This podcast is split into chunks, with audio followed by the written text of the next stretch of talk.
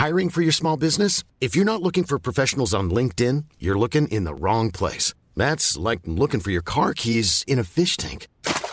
LinkedIn helps you hire professionals you can't find anywhere else, even those who aren't actively searching for a new job but might be open to the perfect role. In a given month, over 70% of LinkedIn users don't even visit other leading job sites. So start looking in the right place. With LinkedIn, you can hire professionals like a professional. Post your free job on linkedin.com slash people today. Millions of people have lost weight with personalized plans from Noom. Like Evan, who can't stand salads and still lost 50 pounds. Salads generally for most people are the easy button, right? For me, that wasn't an option. I never really was a salad guy. That's just not who I am. But Noom worked for me. Get your personalized plan today at Noom.com. Real Noom user compensated to provide their story. In four weeks, the typical Noom user can expect to lose one to two pounds per week. Individual results may vary. Jag ska sluta andas. Jag Ja. glömmer bort att andas för sex, musik och våld, som eh, Kent skulle sagt. Just det.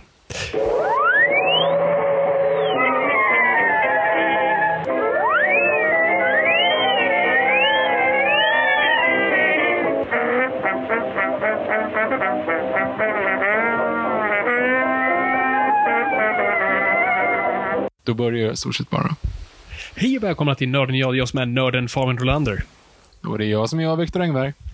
Det här är podcastens samarbete med Acast. Vi pratar nörden, nördkultur i ett slags bildningssyfte, för jag försöker bilda Viktor i saker han tycker om, men inte vet så mycket om.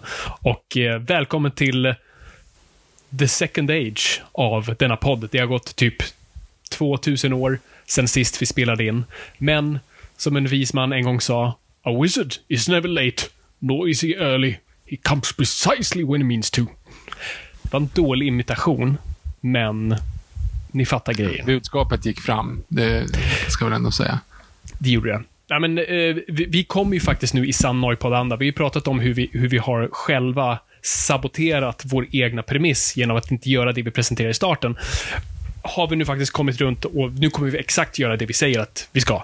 Eh, vilket känns asbra. Och jag är sjukt taggad på det här avsnittet. Så pass taggad att jag har på mig då min, min The One Ring som jag köpte 2001, 2002 på fanns då, på Drottninggatan i Stockholm, förlåt för att vara Stockholmsfixerad här, men det, det är där vi kommer ifrån, så fanns det en butik. Kommer du ihåg vad den hette, Viktor?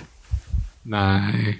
Det var, det var inte en sån här Albrekts guld eller guldfynd eller sånt där, utan det var ju något Nej, nej, annat. nej. Liksom. Eh, absolut inte. Det var ett ställe som sålde svärd. Och, Jaha, den? ja. men det var ju på Kungs... Det var ju på, förlåt, det blir ännu mer... Eh, nej, Kungsgatan. eh, det är förlåt, på inte Kungsgatan. För, för att bli Ah, ännu mer. Stockholmifierad så är du på fel gata. Du är på fel regent. Sorry. Ja, men det var ju en Ja. sån Fantasia-version. Alltså nå- någon form av liksom fantasishop som sålde gamla brynjor och, och sånt. Exakt. Och, så- och så fanns det väldigt många år. Det måste ha varit en himla dyr adress att stå på. Det finns ej kvar längre. Eh, inte jättekonstigt. Nej, nu är det typ en Apple-butik eller någonting. Så att, nej, det var ju inte jättekonstigt. Men vi brukar ju gå dit ganska ofta. Uh, i, I våra unga dagar. Och sen där runt när Sagan om ringen kom och det var en stor hype kring det. Men det var innan det där riktigt bra Sagan om ringen merch och prylar hade kommit. Licenserna var inte riktigt igång än. För jag kommer ihåg några år senare så såg man ju, ja men då fanns Sting där och alla svärd och Gimlis yxa och sånt där. Men, men, men det jag kommer ihåg då, då fanns det Sagan om ringen-ringen liksom hängades runt en kedja. Jag tror den kostade 200 spänn. Så den var inom räckhåll. Så jag tror jag gick ut om det var juldagen eller mellandagarna, för jag hade fått upp pengar av morföräldrar och farföräldrar i, i julklapp och så, så då hade jag råd. Men jag skämdes typ, så jag sa inte till mina föräldrar vad jag skulle göra, för jag vill så ha den här ringen. Och för ni som har lyssnat på den här podden vet ju hur besatt jag är av rekvisita, eller saker kopplat till film som används i själva filmen. Så praktexemplet är, nej, jag vill inte ha en parfym där det står 007 på.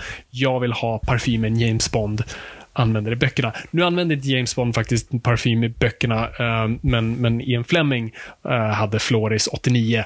Eh, Bond använde sig bara Floris produkter, men aldrig själva parfymen. För att som han då sa att engelsmän badar gentemot ryssar som måste ha parfym på sig. Eh, skitsamma. Så du skaffade alltså en parfym som författaren bakom boken, böckerna om James Bond har? Som har liksom Ja, men- ingenting med själva... Nej, men det, du Karaktären så göra. det, det är inte... Det, det är töntigt, men inte så töntigt som ni tror. Men vi är absolut på, på tö- töntskalan. Så här resonerar jag. Jag resonerar inte så här, åh, jag vill lukta som Ian Fleming. För 70, minst 70 år gammalt, liksom, eh, gamla preferenser och liksom Ja. äldre brittisk herre som, ja, okej, ja, ja. För hade jag velat lukta som Ian Fleming hade jag bara liksom behövt badda mig med vodka och röka 70 cigaretter, så hade vi varit där. Nej, utan vad jag tänker, lite också varför jag gillar Bond-grejer, är att jag tänker att Bond och Fleming till viss del, eh, egentligen inte, men på papper. Han, han, eller han gjorde ju det. Han gillade ju de, livets fina, bra saker. Så jag tänker att Fleming har lite koll på grejer. Så jag tänker, hmm, om Fleming köpte Floris, då gjorde han det av en bra anledning. Då hade han gått igenom många parfymer och många olika ställen på Savile Row och till slut bara, nej, Floris är det jag ska göra. Så jag på något sätt överlåter lite research till de här figurerna. Så när jag läser Bond-böckerna eller ser Bond-filmer så, okej, om Bond har på sig det där, han har ju uppenbart det av en anledning. Sponsorer, men bortsett från det så är det också att det, det, det är bra, bra stuff. Skitsamma, tillbaks till ringen. Så jag hade ju försökt länge. Jag måste bara, det är ändå lite roligt att du liksom tar influenser, dina influencers har varit döda sedan, ja, 80 år, eller vad är det? Ja, precis. Så, Det, ja, ja, är bra. Ja, jag gillar den tanken. Men hur som helst, så jag hade ju länge velat ha Sagan om ringen-ringen, så jag kommer ihåg Följde du med mig någon gång till, nu blir det till Stockholms referens, men till Hötorget? Du vet, där de sålde mobilskal och massa skit. Eh, och av någon anledning sålde de typ någon form av plastringar. De såg lite ut som så här s- gjorda, och så gjord i sten.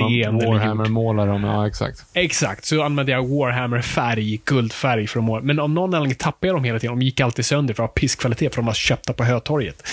Men så nu skulle jag ha den här jävla Sagan om ringen-ringen. Så jag köpte den där och då var skitglad. Men nu i efterhand, det var inte långt efter, när man kollar på den är den rätt dålig. För att den är inte alls formad som Sagan om ringen-ringen. Den är på tok för kantig och, och smal. Och så är det då inristat då, ehm, det som ringen har inristat. Vilket jag alltid störde mig lite på, för jag vill ha en slät ring. Men vi kan inte få allt. Det var det enda vi kunde få. Då. Det här var innan internet var en grej. Vi kan eh, lägga ut på våra sociala medier en bild på den jämf- också i jämförelse då med min vigselring som faktiskt är typ den officiella Sagan om ringen-ringen. För att eh, när jag då friade till min nuvarande fru, dåvarande flickvän, eh, så var jag tvungen att ha en ring själv. Jag hade fixat den åt henne, men jag måste ha en ring själv. Så då gick jag ju såklart in på, av vad det nu var, motsvarande guldfynd. För de hade då, det var The Hobbit typ fortfarande, eller de hade väl inte fasat ut alla Hobbit-grejer åtminstone. Så kunde jag då säga så här, jag ska ha en sån där. Så jag tog liksom officiella, liksom, det stod New, Copyright New Line Cinema i den. Liksom. eh, och sen så hade jag den under en period och sen när vi då skulle göra våra riktiga ringar hos riktiga guldsmeder, så att säga. Gick ju bara in med den, alltså replikan från filmen och sa hej, exakt en sån här tack. Um, så att den här, den här jag har på fingret nu är ju eh, liksom en exakt replika av en replika av Sagan om ringen-ringen. Hur, hur, hur var Guldsmedens reaktion på den förfrågan? Var det en stor suck eller var det så här, ah, ja, vi har en till grabbar. Nej, det var faktiskt, jag tror inte att han har varit med om det förut. Liksom. Eh, Så det, var, det kändes ändå som att det, det var en go-to-grej för killar annars oftast. Ja, det är det jag tänker, liksom. typ alla snubbar födda 80-talet, 90-talet som förlovar sig bara sa, ge mig Sagan om ringen-ringen tack. Eh, Ja, nej, men det, och det är mest också för att det är referensen jag har till ring. Liksom. ja. Så här, Ja, kantiga kanter och, och och sånt, det går ju inte. Mm. Nej, och det är ju din influencer, liksom Sauron. Han, visste, han var en duktig smed och han visste vad han gjorde. Så du, du liksom, Ja, men om, han, om han diggar den här designen så, så måste det ju vara någonting bakom det. Och precis, här klagar jag på någonting som du influeras av 1950-talet. Jag influeras av eh, år 1000 in the second age of Middle Earth. Fabian, vad är det vi ska prata om här idag? Ja, så va, va, vad gör vi här egentligen? Eh, varför är vi här och varför kom vi hit? Jo, nej men eh, vi gjorde typ, vad är det, eh, vilket avsnitt av alla våra... Andra eller tredje eller något sånt där skit. Ja, det var värdelöst. Gå inte tillbaka och lyssna på det. Så gjorde vi i alla fall ett avsnitt kring eh, Sagan om ringen och, och sånt där och gav, gav vår, vår bästa copy-paste från extra materialet på Extended Edition-DVD-erna. Men, eh, så det kände vi att vi inte ville göra om. Um, och jag tror de flesta kan storyn kring Sagan om ringen. Alla vet att eh, uh, Viggo Mortensen bröt tårna och sparkade ihjäl, men vi har been there, done that. Um, men så det vi tänkte för det här avsnittet var någonting vi, typ, vi själva var lite inte, eller vi, någonting vi undrade över och som vi inte riktigt själva visste, vilket är typ min favorit av episoder vi gör, när vi själva typ måste göra lite research. Hade liksom en vag aning, men inte riktigt aning. Och, och min stora fråga var, vad har The Rings of Power, det heter så va? Inte The Power of the Ring, det heter The Rings of Power. Ja. The Ring of Power. Ri plural Rings. eller singular? Rings. Rings of Power. Eh, vad har The Rings of Power rättigheter till? Och hur kom vi hit? Hur, vem har rättigheterna till Sagan om ringen? Och jag vet att de är uppdelade, så vem har vad och hur funkar det? Och varför får vissa göra vissa saker men inte andra? Och sånt där. Så jag tänkte, men det är det vi ska prata om. Hur kommer vi till The Rings of Power? eh, rättighetsmässigt. Vi börjar med böckerna och vi landar här. Hur kom vi dit? Det är lite det jag tänker att vi ska prata om. Låter som en bra idé. Men jag Victor... är då jaget i den här konstellationen, så att jag har ju inte pluggat på så mycket, utan jag sitter bara här och är beredd att bli lärd. Just det. Och, men först vill jag ändå höra, i vanlig ordning, Viktor. Och då, många kanske kan det här, men för de som inte har hört, vad, vad är din ingång till Sagan om ringen? Vad, vad började för dig? Ja, alltså, det är ju lite ah, så här, det, det, är ju många olika versioner av den här historien man skulle kunna få in, eller många olika liksom infallsvinklar. Men den enkla är ju rätt upp i målgruppen rent åldersmässigt när filmerna kommer. Och när det annonsat att filmerna kommer så är vi inne i vår Warhammer-period. Så säga mm. att vi liksom, Orcs and Goblins och hela den där grejen är redan ganska vedertaget begrepp. Och så man visste vad Sagan om ringen var. Jag hade inte läst böckerna då, när, innan jag visste att filmen skulle komma, så att säga. Eh, men jag var ändå inne i, Orcs and Goblins var en jättestor grej och medeltida och svärd och Swords and Sandals och sånt var skithäftigt. Vi var ju tio då, runt 20 ja, runt 2000. Och sen då så, så kom de och så sa de att nu ska vi göra typ en film om War, Warhammer-filmen kommer, ish. För att det var typ det som man visste om att den var. Och då re-releasade de alla böcker, så då läste jag alla böcker och sen så kom ju filmen och sen dess har typ ens liv inte varit detsamma. Man kan hålla det på liksom typ så samma nivå som första gången man såg Tarantino eh, i en äldre i en äldre version av den. Men alltså först när jag såg Sagan om ringen, då var det liksom så här, jag aldrig sett någonting bättre någonsin på bio. Eh, och då var det ju tidigare referenser man hade var först Titanic, sen The Lost World. Men det här var liksom hel, satan i helvete vilken film liksom. Och sen när Two Towers kommer, då är det ju liksom, då är det ingen lek längre. Alltså då är man ju så inne i det. Då hade ju Warhammer, Sagan om ringen Warhammer kommit också. Vi hade gjort våra egna Sagan om ringen-filmer. Vi hade liksom, mm -hmm. vi var full-blown elves eh, under hela 2000, ja men 2000, tidigt 2000-tal. Men 2002, 2003 är det ju liksom, då pikar det här på ett sånt sjukt sätt. Um, Självklart så är det liksom, som sagt, Sagan om ringen-ringen har inhandlats i massa olika versioner och nu är det liksom krönt där uppe är ju någonstans att man har eh, The One Ring som vigselring. Mm. Så att, um, nej, det är väl där någonstans då, man ska säga, refererar Jag skulle väl säga ändå, vi, för vi pratar väldigt mycket om mina intressen, um, av förklarliga anledningar och vad jag har på min Mount Rushmore. Men Sagan om ringen är definitivt på din Mount Rushmore av yeah. intressen. Ah, ja. För det, det hänger ju ah, verkligen ja. kvar. Det är ingen sidogrej som, som man hade när man var liten, utan du... Det är någonting som du återkommer till. Ja, ja, gud ja. Och, och, men framförallt, jag tror också att den, den, the perfect storm, tänkte jag säga, men, men alltså den totala mixen av fantastiska filmer, genuint hantverk, grym bakgrundshistoria, allt det där. Men sen den här liksom, kärleken till filmskapande, att det var det som fick liksom, att sitta och kolla på extra materialet till Sagan Ringen, kolla extended cut på Sagan Ringen. Det var ju liksom, det var det man gjorde under tre år. Trots att ja. det kom andra filmer, liksom, så var det bara, ja men, ja, ja men det pikar inte, det pikar liksom inte extra materialet på extended edition av Konungens återkomst när de pratar om, du vet, den där referensen. Vi har ju sagt tidigare, vi kunde ju liksom sitta och dra skämt om, om referenser till extra materialet på några så obskyra intervjuer med med Kate Blanchett. Så Fabian, jag vill bara ta dig eh, lite grann på sängen tänkte jag säga. Det blev snuskigt. Eh, vilka anled vilken, vilken av anledningarna eller nämn två anledningar till att eh, eh, Kate Blanchett ville spela Galadriel. Go!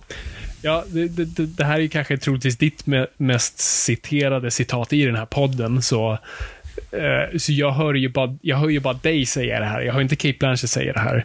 Så du säger någonting i stilen med uh, I always wanted to work with Peter Jackson, sure, but I always wanted to have pointy ears. Något sånt där. Ja, of exakt. course I love the books. Of course I want to work with Peter. But I've always wanted to have pointy ears. Ja, det är stort. Det är stort. Fabian, du då? Jo, nej, men det, det, är liknande. Alltså vi, och vi, vi växer upp, vi känner ju varandra vid det här laget, så vi, vi, vi hypar ju igång på samma saker. Um, jag var inte alls familjär med Sagan om ringen innan det här kom. Eh, jag kommer ihåg att jag såg trailern till den när jag såg första Harry Potter och blev sådär, oj, vad är det här? Alltså, liksom, och det såg ut som någonting helt annat. Men det är inte som att jag var såhär, åh, det här måste jag gå och se. Jag bara, oj, vad, vad är det här? Men sen byggdes ju, det var ju en stor hype-maskin runt det här och, och, man hade ju någon som hade läst boken. Jag tror pappa hade säkert läst det i sina tidigare år. Um, så jag blev ju taggad med alla andra. Och sen kommer jag ihåg att pappa knackade på uh, min dörr uh, till mitt rum och öppnade och sa oj shit, jag trodde det här var toan, sorry. Och så stängde han den igen. Nej, eh, utan eh, han öppnade och, och höll upp två biljetter och sa imorgon ska vi gå på Sagan om ringen. Uh, och jag blev så och jag, visste, och jag var en ganska skraj unge, så jag, jag var, tyckte det var lite obehagligt, för jag visste att det var orker och det var, skulle vara lite obehagligt, så jag var lite skraj, men väldigt taggad. Och han hade satt oss längst fram, den största salen Sergel i Stockholm, sal 1, längst fram. Uh, och jag kommer ihåg, jag hade jackan upp över nästan eh, strax under ögonen under filmens gång. Och den sänktes liksom successivt uh, ju längre filmen gick. Uh, och jag var helt såld efter det. Och sen den hypen som du pratade om. Och framförallt då i då en av, jag tror, de stora anledningarna varför jag jobbar i filmbranschen idag är, precis som du säger, de här extra materialet. Alltså, det har inte kommit något bättre extra material sedan dess. Det, är liksom det pikade då och ingen har nog kunnat slå det. Um, så mycket detaljerat material och så ingående både i, i allmänt filmskapande men i tolken och allt sånt där. Man fick en jävla grundkurs i så många, så många grejer. Jag kommer ihåg att vi pratade om, för de hade ju till och med de spelar ju upp liksom alla lager av ljudeffekter i Helms Deep för en, och vi pratar om så okej, okay, men då håller vi upp en mikrofon när, liksom när pilbågslagret läggs, för då kan vi använda det i vår film och sådana där grejer. Um, Nej, och sen så Sagan ringen alltid varit i min periferi. Jag, skulle aldrig, jag är ingen så här hardcore-fan. Jag har tagit mig igenom första boken. Det är det, det enda jag liksom knappt klarar. Jag är också dyslektiker. De här böckerna var jättesvåra för mig att ta mig igenom. I den och, eh, översättningen. De har, de har gjort en ny översättning sedan dess. Det var ju en pissöversättning ja. tidigt 2000. Och jag skulle jättegärna vilja kasta mig tillbaka och läsa om dem. Um, det, det, det vill jag verkligen. Frågan om jag fan skulle... Och då skulle jag vilja läsa dem på engelska. Men jag undrar om jag skulle bara göra det svårare för mig. Så, så liksom, jag har alltid gillat Sagan om ringen och alltid liksom, och haft enorm respekt för de filmerna. Såklart inte så mycket för Hobbit, men liksom alltid och gillat världen. Och jag har de senaste åren fallit in en sån här, ibland, någon gång om året faller man in i en YouTube-träsk. Där man tittar på såna här lore-videor.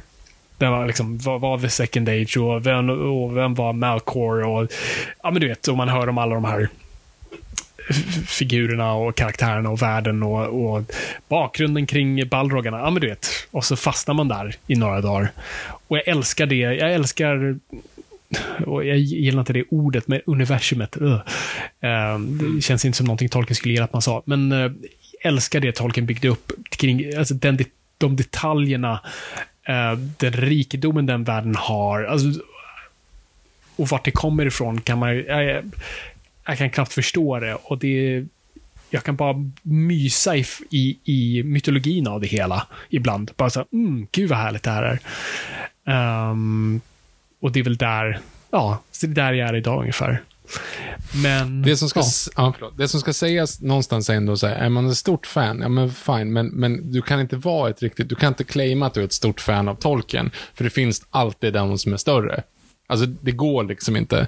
Och därför så här, alltså visst att man tycker om filmerna, men där någonstans stannar det oftast för mig. För att jag, jag kan liksom claima att, ja men fan, jag har ju sett, det är typ tre, fyra gånger har jag med ett kompisgäng tagit med en låda öl och kollat på alla extended från första ringen till Konungens återkomst, så här, 13 timmar, över en, alltså en lördag. Så. Det har jag gjort några gånger. Eh, så mm. det är väl någonting. Men jag skulle aldrig någonsin så här, jag har inte läst Silmarillion, jag är, liksom inte, jag är inte på den här liksom nivån för de som faktiskt är riktiga Tolkien-fantaster Mm. och, och så. Så att det är bara, just putting it out there, liksom att vi är långt ifrån liksom stora, stora fans i, i jämförelse. Nej, exakt. Vi är inga scholars. Eh, absolut inte. Och vi, vi är verkligen bara fans i det här och allting jag kan kring, kring Middle Earth är verkligen bara i, i periferin. Det är lite kul. Jag kommer ihåg jag, i mellanstadiet någon gång så hade vi någon sån här orientering i skolan. Och då hade jag en klasskompis som hade läst Silmarillion. Och vi gjorde ingen orientering. Jag bara lät honom förklara för mig Silmarillion. Det var det. Vi bara lunkade igenom. Jag tror det var innan man hade betyg, så vi bara sket i det. Vi bara gick från station till station och så fick jag bara höra om Silmarillion. Och jag förstod inte, vadå, valar sjöng? Va? Vadå, alltså valar som simmar, du vet. Jag förstod ingenting av liksom, vad han faktiskt menade. Men eh, jag var enormt fascinerad av det. Men, men det, är ungefär, det, är- det, det är den kunskapen jag besitter. Men jag har nu suttit likt Gandalf i källaren på Minas Tirith och försökt ta reda på hur fan ser de här rättigheterna ut och vem är det som sitter på dem och varför och hur, när. Hur, hur gick det här tillväga? Och det är extremt komplext och det är många vändningar och turer, så jag har försökt förenkla det här, både för mig själv men också för er lyssnare, så att ni sen kan gå in i The Rings of Power och känna, ja ah, men jag, nu, nu fattar jag lite vad, vi- vad, vad vi håller på med och vad vi är och varför. Så uh, jag tänker att vi startar. Viktor, har du någon aning om hur rättigheterna först ens säljs? Hur tolken... Eh. För du kan ju inte bara göra en film på Sagan om ringen utan någons tillåtelse. Nej, nej, precis. Jag vet, jag vet faktiskt inte riktigt. Eller jag vet inte, jag har ju sett, den enda filmen utöver Peter Jacksons grej jag har sett är ju den som gjordes för 1975, 76, 77, 79, 80, där någonstans. Ja. eh, alltså den som är liksom typ live action och tecknad. Eller tecknad Exakt. över live action. Ja. Precis, 1978 är det. Ehm, exakt. Ehm, och det, men vi måste spola tillbaka typ tio år till. Så man undrar liksom hur och varför någon som Tolkien, en man som man tänker har enorm integritet och stenkoll och styr i min järnhand sin skapelse och inte alls villig att liksom kommersialisera det. Hur kan en sån person sälja rättigheterna till, till sitt livsverk? Och svaret är, precis som alla konstnärers väg, det börjar med en skatteskuld. Jag var i Paris för några månader sedan och besökte Picasso-museet de har där. Och det var, jag tror det är kanske den liksom, kanske mest den största samlingen av Picasso-verk i världen, tror jag. Och eh, vi frågade oss själva när vi var där, så bara, hur, alltså det här är ovärderligt. Liksom, vem, vem kan ha köpt in allt det här? Och då fick vi svaret att så här, vilket var det mest franska jag har hört, att så här, nej men det var det här var familjen som hade en skatteskuld som då istället för att betala av det gav det här till franska staten så för att betala av sin skuld. Okej, ja det Är inte det samma, samma sak som Cornelis hade också? var, var det exakt samma grej. eh, han, ah, men de skrev väl av hans låtskatt också. Mm. Alltså när han dog. Så han, han, han hade typ ingenting och bara massa skulder. Så då så... Jag för mig att de bara sålde av eller på något sätt inte claimade. Jag vet inte riktigt. Ja, av någon anledning så har jag hört i alla fall. Mm. Jättedålig referens. Fortsätt. Ja, nej men eh, det, det känns som det är många konstnärer som går på så vis. Nej, men, och, så Tolkien hade en, en skatteskuld och han var inte helt emot, det har varit lite fram och tillbaka av hur vad Tolkien kände med att adaptera adapterade verk och att nej, men Sagan om ringen är ett litterärt verk, det ska inte vara något annat. Men, men tydligen, vad jag har förstått, så var han inte jätteemot den tanken. Sen till, till hur långt han var villig att dra det, det vet jag fan, men han var inte helt emot det i alla fall. Så han säljer filmrättigheterna då till Sagan om ringen och Hobbit. Så det, och det är en viktig, viktig poäng. Till United Artists 1968. Eh, och United Artists, som nu inte längre existerar, var ju eh, ett stort, hyfsat stort filmbolag som just var ett liksom att Artists skulle gå samman och, och göra film tillsammans. Så de låg ibland bland annat bakom, eller de var delfinansiärer av Bond-filmerna och gjorde massa filmer fram till Heaven's Gate och allting gick åt helvete. Um, men hur som helst, så de sitter på filmrättigheterna, vet inte riktigt vad de ska göra med det och sen 1976 tror jag det. Ja, just det. Precis. Så 1976 så känner de bara, ah, men vi vet inte vad vi ska göra här, så vi säljer det ytterligare vidare. Och den som då plockar upp de rättigheterna är en man som heter Soul Saints. Saints, Saints, let's call the whole thing off. Eh, och han var en Hollywood-producent som ni känner nog säkert inte till via namn, men han har, liksom, han har typ tre Oscars för bästa film. Bland annat då Jökboet och Amadeus. Så det är en ganska big hitter. Um, så han köper upp rättigheterna till Sagan om ringen och Hobbit. Och de här, vi kommer komma tillbaka till exakt vad de här rättigheterna innefattar. Um, men än så länge filmrättigheterna och lite annat. Uh, så han då skapar som ett miniföretag inom det här, man delar ju upp sånt där, som de döper till Tolkien Enterprises. Har du hört något så icke-Tolkien-låtande som Tolkien Enterprises? De byter sen... Ja, det, det... Ja, förlåt. Vad sa du? Ja, nej, nej den, den, den klingar inte så Sagan om ringenskt direkt. Nej. Eh, de byter sedan namn 2010 till Middle Earth Enterprises. Jag vet inte om det gjorde saken bättre, men ja, ja. Um, och deras första produktion är att de gör en tv-film då för NBC, alltså den amerikanska tv-kanalen, vilket då är Hobbit, som är den första den här animerade filmen. Året efter så bestämmer de sig att gå ihop tillsammans med United Artists och släppa en riktig officiell film, vilket blir då Lord of the Rings-filmen, den här tecknade filmen vi alla känner till, lite som den, den du nämnde i starten, som har lite mix mellan live action och tecknat och den bara adapterar typ första Väldigt halvan flummig. av Fellowship. Ja, gör den det? Jag tror att, de, att den adapterar in... Ja, men nej, nej, den är nog ganska långt in. Ja, det, alltså, det har... Boromir hinner väl inte dö, men, men, men det gör han ju inte i första boken. Spoilers. Mm. Ja, men det, det, den, och sen, det finns, jag vet att det adapteras lite av Return of the King också. Jag kommer inte ihåg om de har slängt in den sen. Jag tror hur den har släppts på video sen, de har slängt ihop lite olika där. Så jag vet inte exakt hur, hur omfattande Jag kommer jag har sett den. Men jag såg den för säkert 15 år sedan, så att jag minns det inte allt för väl. Um, men efter det um, så bestämmer sig då Science and Company, som företaget heter, eller då Eh, Tolkien Enterprises, eh, att endast agera som ett licensföretag. Så att, vad sitter de på? De sitter på Hobbit och Sagan om ringen och that's it. Och det de får göra är i stort sett eh, live action-grejer. De får göra scenuppsättningar. De får licensiera ut för brädspel och typ kläder och lite liksom typ leksaker, inte riktigt leksaker, men jag tror avtalet innefattar typ statyetter, men det går väl att tolka. Um, och det är det enda de gör under ett väldigt bra tag, att de bara licensierar typ brädspel. Vi ska komma ihåg, alltså efter 70 tal 70-80-talets Sagan ringa, absolut, det är stort, men det är ju inom väldigt nischad grupp av folk som läser fantasy, folk som spelar brädspel. Det är inte liksom, vi har inte den här kommersen. Och det är endast så de funkar.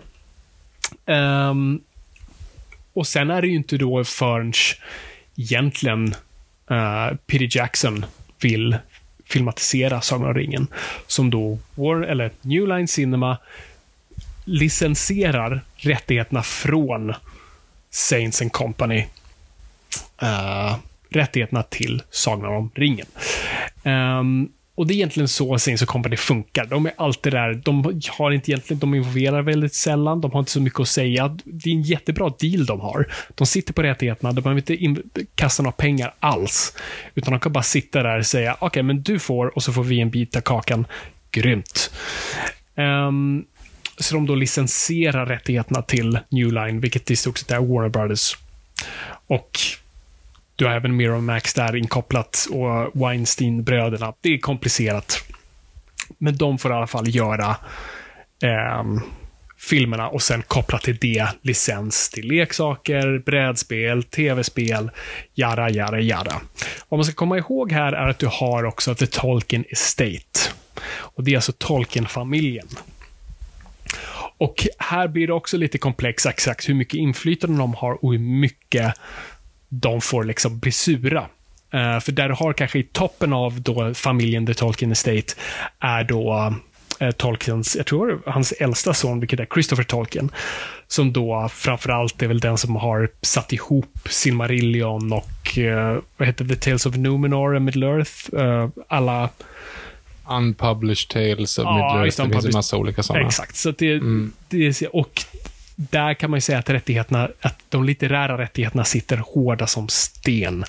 Det är ingen som kan röra de litterära verken. Det är ingen som kan gå och skriva liksom, Lord of the Rings fanfiction under någon Warner Brothers paraply någonstans, utan de litterära grejerna sitter de stenhårt på. Och vill du filmatisera någonting utöver Sagan om ringen Hobbit, då måste du gå till Tolkien Estate. Och de kommer inte göra piss. Eh, De vill inte liksom...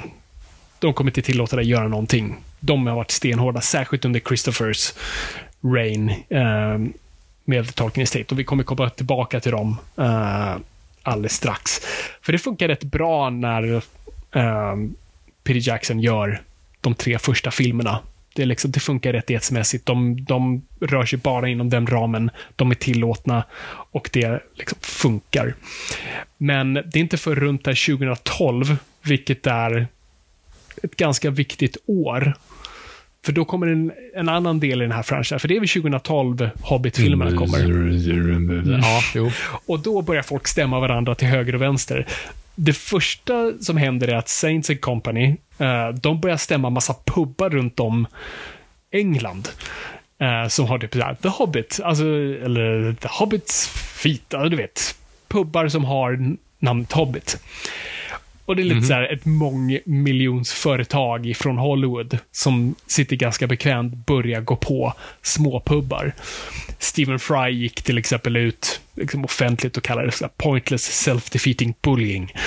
Ehm, och det var inte bra PR-mässigt. Uh, eh, men det är såklart för att Hobbit ska komma ut så de vill liksom de vill sitta på det namnet 100%. Um, ehm, och 2012 så stämmer även Tolkien Estate, Saints and Company och Warner Brothers för hur de har vrickat lite på de här rättigheterna de har, fått ta del av. Um, så vad, vad Tolkien Estate menar är att okej, okej, vi gav er filmrättigheterna och i avtalet så står det alltså filmrättigheter och scen och mm, brädspel och sånt. Figurines, tableware, stationary items, clothing and the like. Det är det de menar. De var inte jätteförtjusta att så här, internetkasinobolag fick ha liksom få tre ansikten på Aragon alla Viggo Mortensen och vinna en jackpot. Eh, De var inte så nöjda med hur man hade alltså, licensierat ut till allt i stort sett. Och saker som inte ingick i det initiala avtalet. Så de blir ganska arga och säger offentligt och i ställningsansökan att de har förstört Tolkiens namn irreparably. Liksom. För all framtid är det typ förstört. Det här, är, det här får ni inte göra. Um, och allt det här är runt att Hobbit-filmen kommer ut. Och också innan det så har även, jag tror det är New Line som stämmer Peter Jackson, för Peter Jackson var, eller ja, Warner Brothers blir ju, Warner Brothers stämmer Peter Jackson, för Peter Jackson ville ta in en egen revisor, för han var inte nöjd med hur New Line skötte pengarna. Och det blev massa bråk där. Och det är därför Peter Jackson ett bra tag inte skulle regissera det, för att han vägrade göra det förrän det var löst. och Sen löste det sig och han kom tillbaka in. Um, och där var även Saints Company involverad.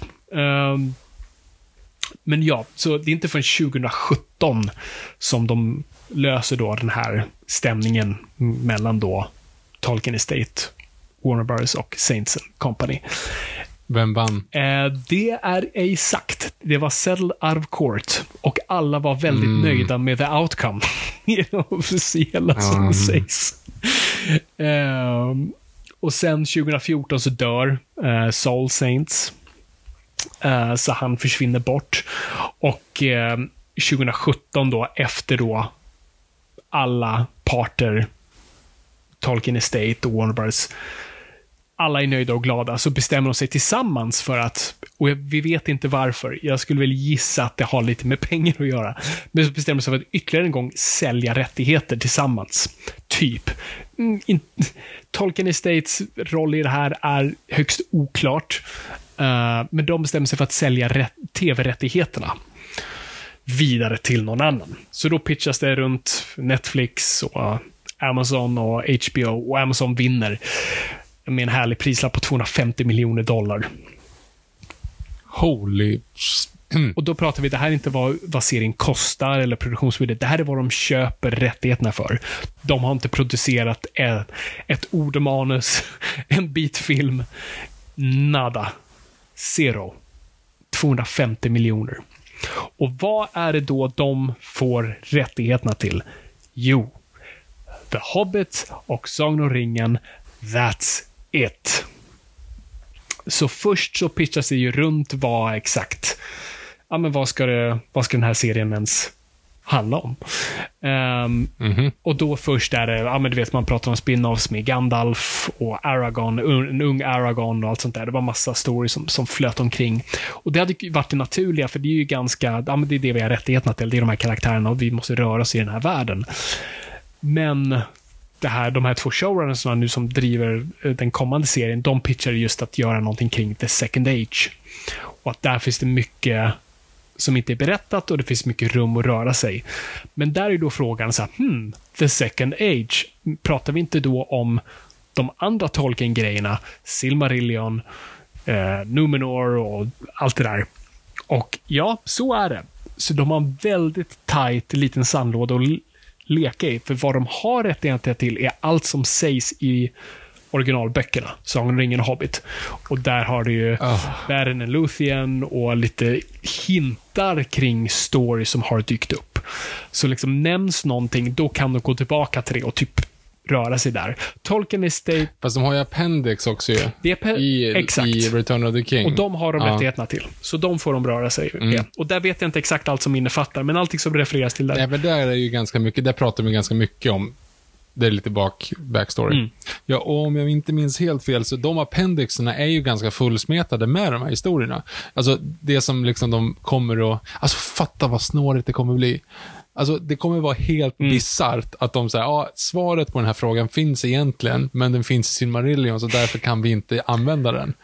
Alltså, för de, de Exakt. De måste ta ho- hobbitska omvägar för att... Det är ju egentligen helt bisarrt ju, att det liksom det finns ett facit, men eftersom det facitet inte nämns så kan de inte använda det. För det, alltså visst så här, sen finns det ju säkert jätte, jättemycket och jag menar hela, alltså Lauren kom ju, alltså när de pratar jättemycket i Lord, i eh, Return of the King så är det ju väldigt mycket om liksom om Isildurs svaghet och liksom Narsil som, som Mm. smids ihop och allt det där. Så det pratas ju om i, i dialog, så det går ju att använda sig av. Men de där kompendierna, Ja. eh, och alltså det måste ju vara det de typ går ut, utgår från. Men har du haft koll på, har du liksom läst på i hur, alltså vad har de gjort då? Vad är liksom, vad handlar det om? Vad gör vi i den här djungeln? Ja, exakt. Och, och det är väl där vi inte riktigt vet än. Och vad jag har kollat upp så är folk högst oklara och showrunnersna har också varit lite sådär och fram och tillbaka kring det. Och sen har Tolkien Estate sagt nej, men det här får de typ ta och sen säger de nej, det här ska vi inte röra. Så att det, jag har ingen aning. Jag, jag tror de kommer böja något enormt på regler och hoppas inte bli stämda tror jag mycket. Jag tror, är någonting nämnt i The Appendices så kommer de bara omfamna det helt. Um, för då har de typ en nyckel. Um, och röra sig så långt de kan inom den referensen. Uh, men sen vet jag inte, kommer de bara då, för jag kan ju tänka mig att det finns, de nämner en sak till appendices, men som finns det en direktlänk till någonting i Silmarillion, som kanske liksom blir fattigt utan det, ja, det känns jätteluddigt hur, hur de ska liksom röra sig runt det där. Um, ja, ja, ingen vet. Förrän vi Nej, ser skiten. en fråga är också dessutom om de då någon gång i framtiden kommer att sälja rättigheterna till sin Marillion.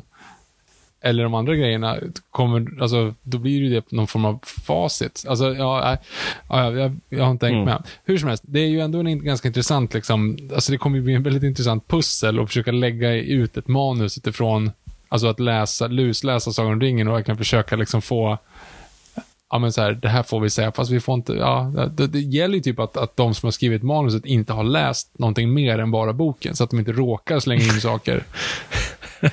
Ja, precis. Men samtidigt då kanske man liksom drar helt fel slutsats av vissa saker. Jag tror de bara kommer liksom behöva hinta till Simmarillion. Bara så här, ah, ni, det här typ, läs på om ni vill få reda på mer.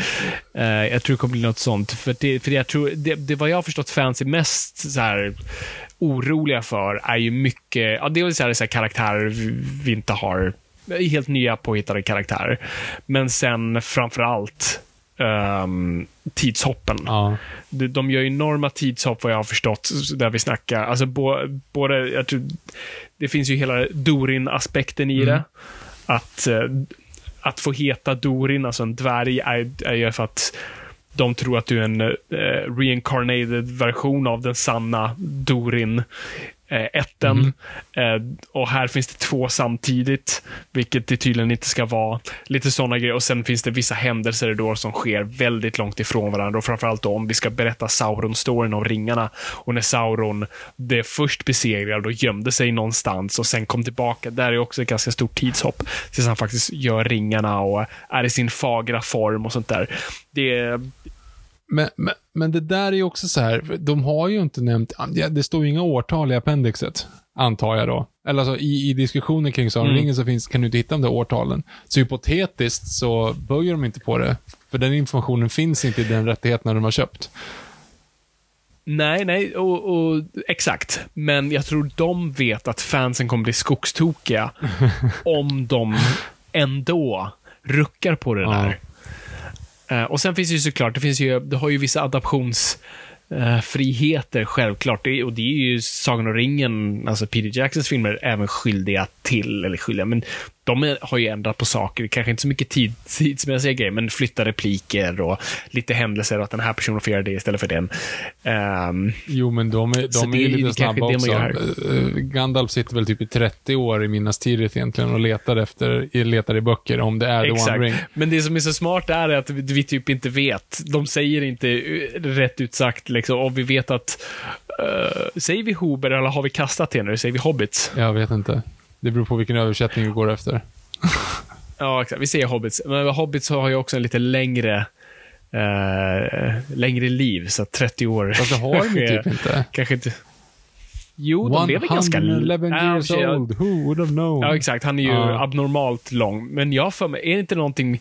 Var, var det här en myt om att Frodo är typ 60? Ja, men jo, men han är, han är böckerna. 50 någonting, har jag för mig också. Att, att det är Ja. liksom att, I och med att det är ett sådant tidshopp, liksom. Men, men ja, det är väl skitsamma. Men, men oavsett så tycker jag ändå att det är en, alltså, det där är ju också en sån här intressant grej, för nu har det ju, alltså jag har ju hängt med lite grann i och bara liksom läst vad det, vilka i casten och sådana saker, vilka det är. Ehm, och jag menar, Isildur är ju med, till exempel. Elendil är ju med. Ja. Vi vet ju hur det kommer sluta för dem för att vi har sett introt till Sagan om ringen. Eh, men, Ja. men sen, de, precis som du sa, det är ju väldigt många hopp. Om man nu hänger med i storyn bakom, nu vet inte, det här, jag tror inte att det här blir riktigt spoilers, för att som sagt, det är det det första Sagan om ringen slutar med. Men det är ju liksom i tre Mm. omgångar. Sauron, för det första, får man du har koll på det här, första, första tidsåldern slutar med vad?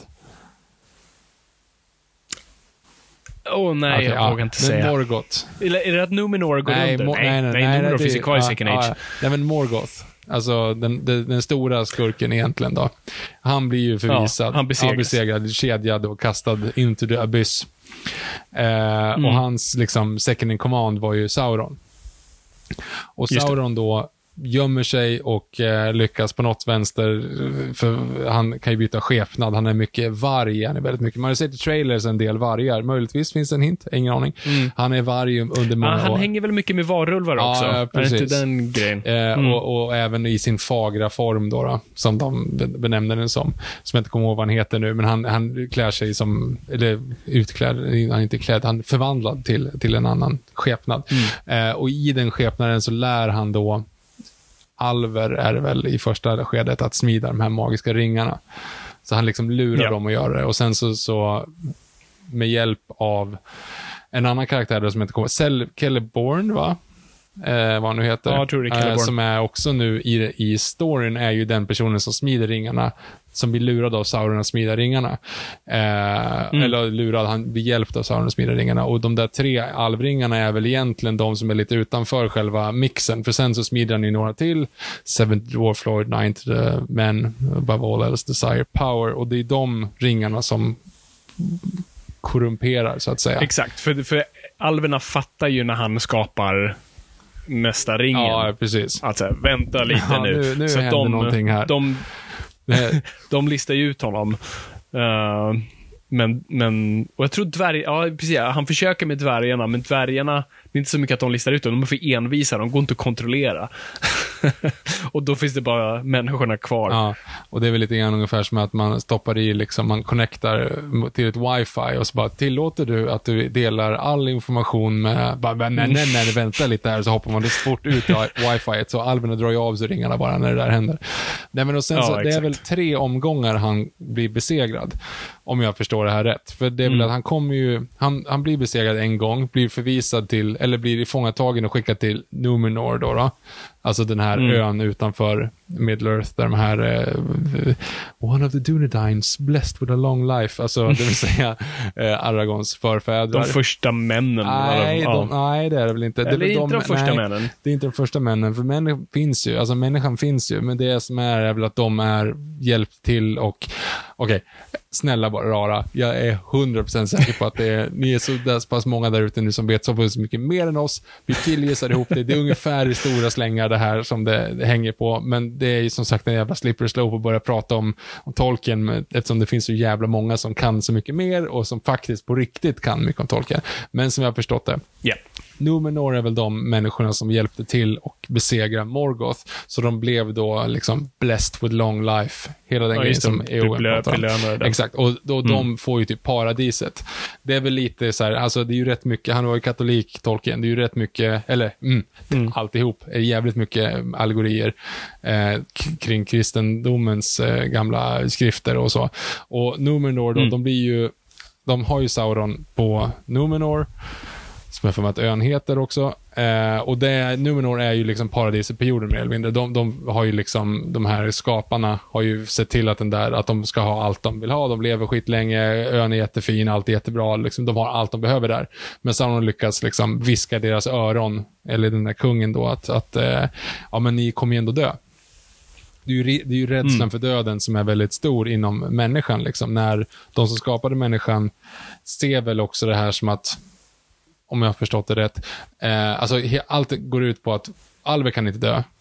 Människorna kan dö. Precis. Men i sin ursprungsform så är det som en gåva. Att du vet att det finns en, en början, ett slut och en början, mitten och ett slut. Det är inte så att det är, liksom, det är ingen fara att dö, så att säga, i, i skaparnas ögon. Eh, men eh, Sauron lyckas då övertala en, en, de på Numenor, människorna då, att det finns liksom ett, ett slut någonstans och att det är orättvist att, att alverna för det finns ju The Undying Lands, det vill säga dit eh, Bilbo och Frodo åker, det det sista som händer i sista eh, Sagan ringen filmen slash boken. Eh, det är ju ännu längre västerut. Och Numenor blir väl, eller kungen av Numenor, eller vem det nu var, blir övertalad av Sauron att försöka åka dit. Så här, varför får vi vara här? Vi vill också åka till Undying Land och vi är odödliga. Det skulle inte funka så, för att det inte är så det fungerar, utan det är bara det att det finns väl ingen sjukdom i The Undying Land. Det är inte så att du skulle faktiskt hypotetiskt dö. Eh, hur som helst. Eh, vilket också förklarar, eller är lite weird, för i filmen så porträtteras det typ som att, att Bilbo kommer bli odödlig när han åker dit, men det blir han ju inte. Han kommer dö som vanligt, bara det att han kommer inte ha krämpor. Det är väl det som jag har förstått att själva låren går. Ja, det, det, det är väl något Mm, sånt. Hur som helst. Um, Numenor semi-invaderar uh, alvernas land. Gud, citationstecken, blir skitsur och dränker hela Numenor. Alltså en flodvåg typ och gör Atlantis eh, av Numenor och förstör hela ön. Och där är också Sauron. Så Saurons liksom, kroppsliga form och hans möjlighet att förvandlas till massa olika fina saker försvinner i och med liksom, destruction of Numenor. Eh, och då så återkommer han i sin liksom, själsliga form tillbaka, bygger upp Mordor och blir liksom den porträtteringen som vi har sett i filmerna, alltså liksom ett stort monster typ. Ehm, Och då så kommer ju han den, alltså en, en tredje gång så att säga. Eh, I'm Sandra, and I'm just the professional your small business was looking for. But you didn't hire me because you didn't use LinkedIn jobs. LinkedIn has professionals you can't find anywhere else, including those who aren't actively looking for a new job but might be open to the perfect role, like me. In a given month, over 70% of LinkedIn users don't visit other leading job sites. So if you're not looking on LinkedIn, you'll miss out on great candidates like Sandra. Start hiring professionals like a professional. Post your free job on linkedin.com/people today. Many of us have those stubborn pounds that seem impossible to lose, no matter how good we eat or how hard we work out. My solution is PlushCare. PlushCare is a leading telehealth provider with doctors who are there for you day and night to partner with you in your weight loss journey. They can prescribe FDA-approved weight loss medications like Wagovi and Zepbound for those who qualify. Plus, they accept most insurance plans. To get started, visit plushcare.com slash weight loss. That's plushcare.com slash weight loss. Hey, it's Paige DeSorbo from Giggly Squad. High quality fashion without the price tag. Say hello to Quince. I'm snagging high-end essentials like cozy cashmere sweaters, sleek leather jackets, fine jewelry, and so much more. With Quince being 50 to 80% less than similar brands. And they partner with factories that prioritize safe, ethical, and responsible manufacturing. I love that. Luxury quality within reach. Go to quince.com slash style to get free shipping and 365 day returns on your next order. Quince.com slash style. Att börja slåss igen och då är det Last Alliance och sen så blir det ju hela ringen och så blir det Sildor och Elendil och alltihop. Men det här är ju under beloppet av typ 3000 år. Det händer ju hur många gånger som helst.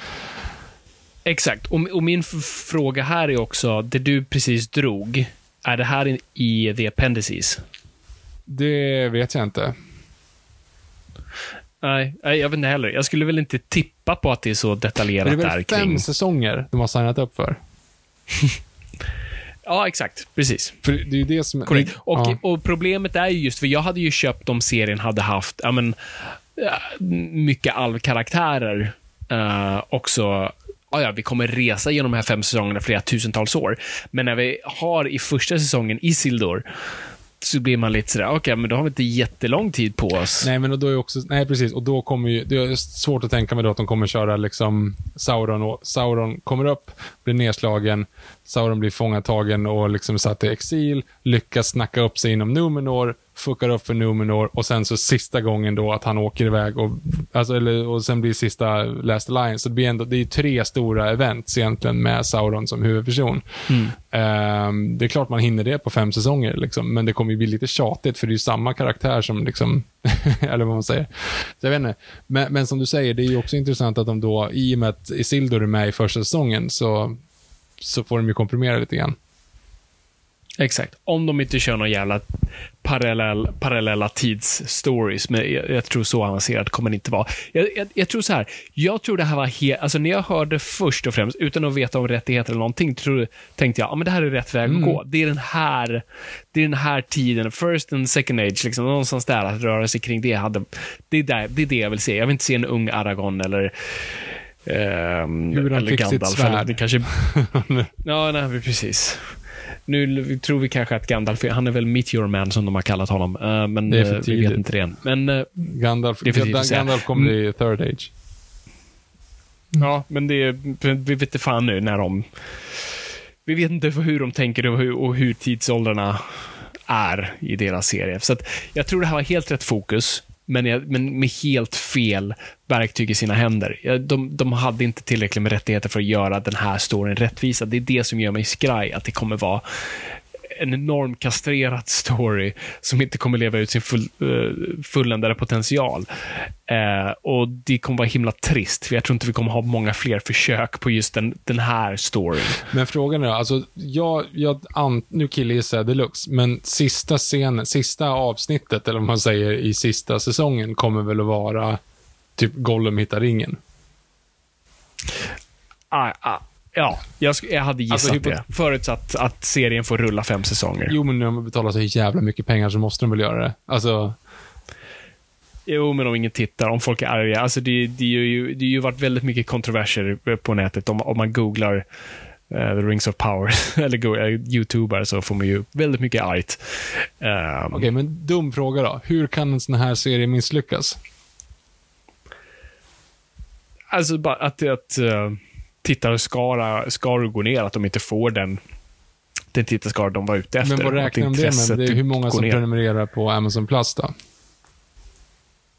Ja, alltså, de måste ju, ja, alltså du kollar ju views, uppenbart. Jo, jo, men, ja, jag fattar. Men jag menar, då, då, då räknar de med att den här serien ska sälja abonnemang på Amazon. Att det är det som är hela poängen, liksom. Ja, ja absolut. De kommer ju få en hel en drös med nya prenumeranter, uppenbart. Mm.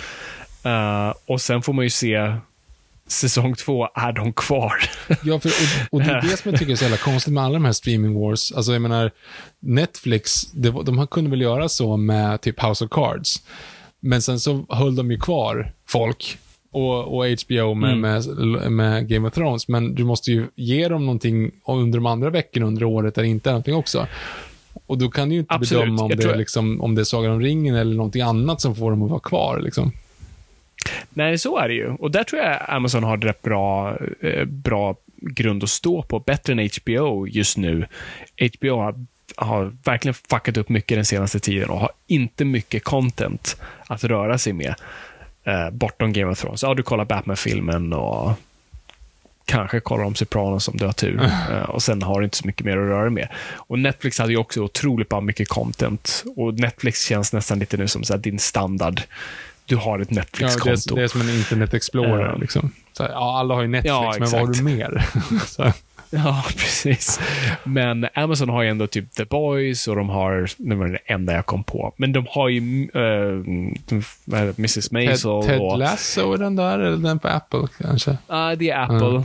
Um, ja, nu kommer jag inte ihåg, men de har ändå mycket som jag ändå varit så, ja men det där ska jag, som jag tänker nu, jag kommer ju uppenbart skaffa ett Amazon-konto för att se, se den här jävla serien och då kommer jag ju vilja, ja men jag vill ju faktiskt kolla The Boys och jag vill ju kolla mycket annat som har varit där och mycket av filmerna de har gjort och sånt där. Så att det finns ändå, men frågan är hur långt det räcker.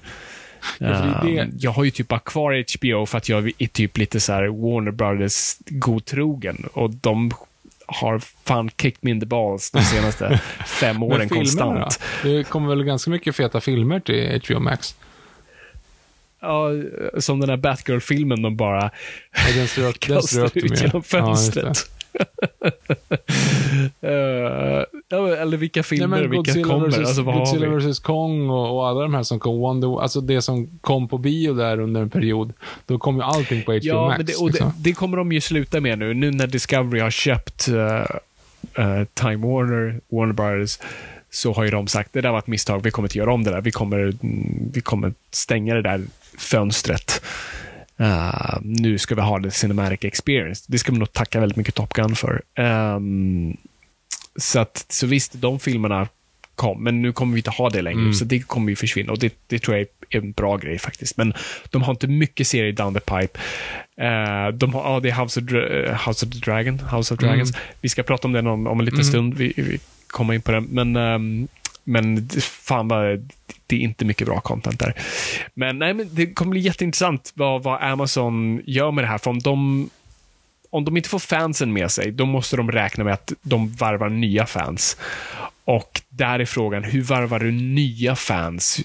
Du, ja, det ska vara jävligt excentriska karaktärer för folk som typ har en helt okej okay relation till Game of Thrones. Eller ja, men, Sagan om ringen. Ska ändå tror, fastna för det nya. Jag tror att Game of Thrones är väl också svaret på det. För att hur många...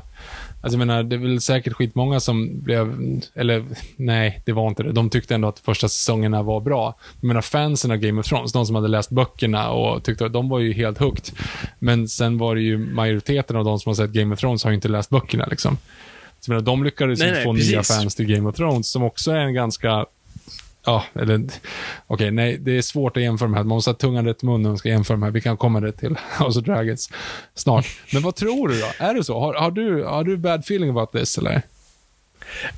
I have a bad feeling about this. Jag har det. Och det, och det, och det mest, och jag vet inte vad det är, det, det är bara en känsla jag har. Alltså jag är inte del av den här, åh oh nej, det, det, det är svarta dvärgar och, och Eh, elfs. Eh, jag, jag bryr mig inte. Eh, det, det som dock oroar mig är hur mycket vikt de lägger på det. Alltså Amazon och se hur mycket de pushar det. Och det säger, ah, men vi bryr oss inte, berätta en bra story. Um, och det är det som också är så jobbigt med Jag kommer inte lita på någon. Jag kommer inte lita på trollen som kommer hata allt bara för att hata det. Jag kommer inte lita på kritikerna som bara kommer vilja liksom äga trollen och hylla den här serien bara för att... Alltså, vilket på ett sätt är en skön position att vara i. Att jag säger, oh, jag måste kolla på någonting och, och, och skapa min egen uppfattning. Så det, det, är väl en himla lyx på ett plan. Men, men, men, men mm, my bad feelings är, jag tycker, jag, och det har vi pratat mycket om i den här podden, att jag värderar lore jättehögt, även när jag inte kan loren. För jag tror det finns någonting i, och det vi pratar om när det kommer till, till eh, superhjältar och, och serietidningar, att det finns en anledning varför någonting funkade. Um, och varför det första gången fångade människor och, och, och, en rik mytologi som makes sense och, och, är trogen till sig själv. Folk känner typ doften när det är så och när det inte är så. Och jag är orolig här, och jag är allt för att den här serien får böja på lite saker och det måste man göra. Men om de liksom, nej, det här är inte din pappas tolken. Alltså går den vägen och gör saker, för då blir, kommer jag bli lite nervös. Um, så jag, jag kommer kolla på det med reservationer, men, men jag, jag, alltså jag vill jag, jag, jag hejar inte på att den här serien ska misslyckas. Jag vill att det här ska vara det bästa som finns på tv. Um, så jag, jag verkligen, med reservation, kommer titta och hoppas på det bästa. Det är där jag, hur, hur känner du? Nej men jag, jag fattar, jag kollade faktiskt på något av de här, jag liksom bara YouTubade Rings of Power och kollade vad det var och det var ju bara liksom så här, ja men, hat. Alltså det, det var, det, det, var ju bara liksom så här skäggiga snubbar som sitter och svär rätt in i kameran över liksom hur, hur förjävligt det här är. Eh, jag orkar kolla fem minuter och sen bara, men herregud. Eh, och det är också så här, alltså, nej, ja, det, jag vet inte hur man ska säga det utan att liksom, men du sa det väl egentligen ganska bra. Jag, jag, I och med att man inte, alltså representation, självklart, viktigt på alla sätt och vis. Men samtidigt så, så här, det, det, spelar ju ingen roll att det är, ja men alltså, av den, den, den mörkhyade dvärgar, ja, ja, det är väl bra. Eller det är inte dåligt. Alltså, eller så här, men, vad, vad är problemet? Det är, ju, det är. Ja, men, ja, men det, liksom, det, finns inget, det, det, finns ju ingenting i böckerna som står att, att liksom, ja men, äh, dvärgarna är faktiskt absolut inte mörkhyade. Liksom, nej, det, det, står inte. Det är liksom bara intolkning av det. Men, så det spelar ingen roll. Alltså, skit i, skit i det, liksom, troll fokusera på storyn istället. Alltså jag, jag tycker att det är mm. jättekonstigt att det har blivit en men, issue. Liksom. Men där har du the flip side av det, för där håller jag med dig. Men jag är orolig för att Amazon är på andra sidan av det. Att vi ska fokusera på det och det är en ursäkt för att liksom en hägring för att berätta en bättre story. Att det ska, att det ska räcka. Och det har vi ju sett mycket, liksom det Hollywood pumpar ut, att det, det ska räcka med representation. Och då ska vi vara nöjda med det. Um, och det är där, liksom, kan vi bara landa någonstans i mitten? Att vi Fan, 90-talet var en så mycket renare tid. Den hade mycket problem. Men jag, har, jag tror vi pratade om tidigare, att så här, gå tillbaka och kolla på 90-talsfilmer. Att så här, det blir någonstans pikare där. Som sagt, mycket problem. Men det, kollar du typ 90-talsfilm, så här, människor är människor och det spelar, och visst, det finns gammal sexism och skit kvar. Men det var ändå, vi var på väg bort ifrån det och alla, alla bara var. Och jag, jag bara, alla, kan vi bara komma tillbaka till det? Alla hade rysk dialekt och alla liksom asiatiska ursprung ja, skulle kunna kung fu och, och det var liksom... ja, ja, visst. Uh, ja, jag, vet, så, så, så det där, jag, ligger liksom, jag ligger någonstans väldigt svenskt här i mitten och bara så här, can, can, can't we all just get along and sing We shall overcome? Um, Birgit Friggebo. Kan, kan, vi bara inte bry oss? Mm, just det. Uh, nej. Um, ja, men, ja, jag tycker nog att det är bara en intressant Alltså det är bara en intressant grej att folk blir så jävla upprörda av det. Det är bara det som jag tycker är, nästan, det jag tycker är mest bara fascinerande. Jag vet inte, har du, har mm. du sett Lightyear? Nej, jag har inte. Där har du ju, det finns ju en lesbisk karaktär i den, till exempel. Eh, en av huvudkaraktärerna. Eh, mm. Och jag menar, det var så här, ja, nu gick ju, de gick ut stenhårt med Skönheten och odjuret och sa ju att den skulle ha en homosexuell karaktär. Och det var det ju typ inte. Ja, det. det. enda som var att, han typ, att det var två män som dansade i millisekund. Det var liksom bara så här, alltså, då kunde man bli så här, de, de står på stora, de står, ja, de slår på stora trumman och säger vi ska ha homosexualitet i Skönheten och odjuret. Och de tar liksom en osympatisk, mm. ond karaktär, LeFou, som alla typ bara garvar åt. Och det enda hinten man kan se av det är att han dansar med en man i en millisekund. Det är liksom, det är det som är. Och det tyckte jag bara var Mm. töntigt, att de så här går ut och, och det är liksom, ja, det, det, det, de försöker bara liksom, alltså Plocka tuta poäng. sitt eget Och- horn, så att säga. Men i, Och där pratar vi om också en karaktär som inte ens definierade om sin sexualitet i en form tidigare. Hade du gjort det med Lumière, som är en väldigt sexuell karaktär, det hade gjort Ja. någonting. Men LeFou, liksom, okej. ja. Nej, men i Lightyear i alla fall, så är det en karaktär som är, jag vet inte, har, ja, jag ska inte spoila Lightyear för det i introt, men Lightyear går ut på att Mm. eh, han har gjort ett misstag och de har strandat på en planet och han måste ta sig därifrån. Mm. Och de Ja. håller på och för, för varje försök, han måste göra liksom ett försök att komma upp i, i, eh, ljus, ljusets hastighet. Och för varje gång han försöker så eh, går det typ fyra år. För honom går det 30 sekunder, Mm. men för, för de kvar på planeten så går det fyra år. Och då är det en av hans, hans bästa kompis, då, eller hans, ja, men, ja, men hans bästa kompis är det då som är kvar, som liksom hjälpa honom från marken och han är ute i, i, i atmosfären och försöker göra det här. Så varenda gång han kommer tillbaka så har det gått fyra år, det har hänt jättemycket i hennes liv. Liksom. Och då är det bara så här, ja men hon är förlovad och hon har fått ett barn och barnet växer upp. Och du vet, så här, varenda gång kommer dit och det är liksom jävligt emotionellt. Jag satt där och grinade som ett barn. Och då har de bara så här, "Ja, och det är en kvinnlig karaktär. Alltså det är två kvinnor som är gifta. Det är så här, ja, Mm. okej, ja men det var inte så, det, det är ju liksom, det hade det varit, det, alltså det är ju, jag tycker att det där är så jävla, det är en cool representation. För det är bara så, ja men de, ja, de var två kvinnor istället för två män, precis som vilket som helst. De fick ett barn precis som vilket som helst, de är gifta precis som vilket som helst. Det är liksom, de har inte gjort, återigen, det är inte LeFou, de har inte gjort en grej av det. Jag tycker att det var, och liksom slagit sig själva på, eller liksom, och försöker liksom tjohorna in det och försöker göra en grej. Jag tycker bara att det var en jävligt, eh, det var ett coolt sätt att, att visa representation. Ehm, det har Ja. ingenting med Sagan om ringen att göra. Men, eh, men, men jag förstår fortfarande, för det fick jag också massa skit, för de typ var ju förbjudna i Saudiarabien och jag vet inte om de klippte om den i Kina och du vet massa såna, sånt skit liksom. Det var det jag tror, jag tror de typ gjorde det. Och, och där kan jag komma in som är lite sådär...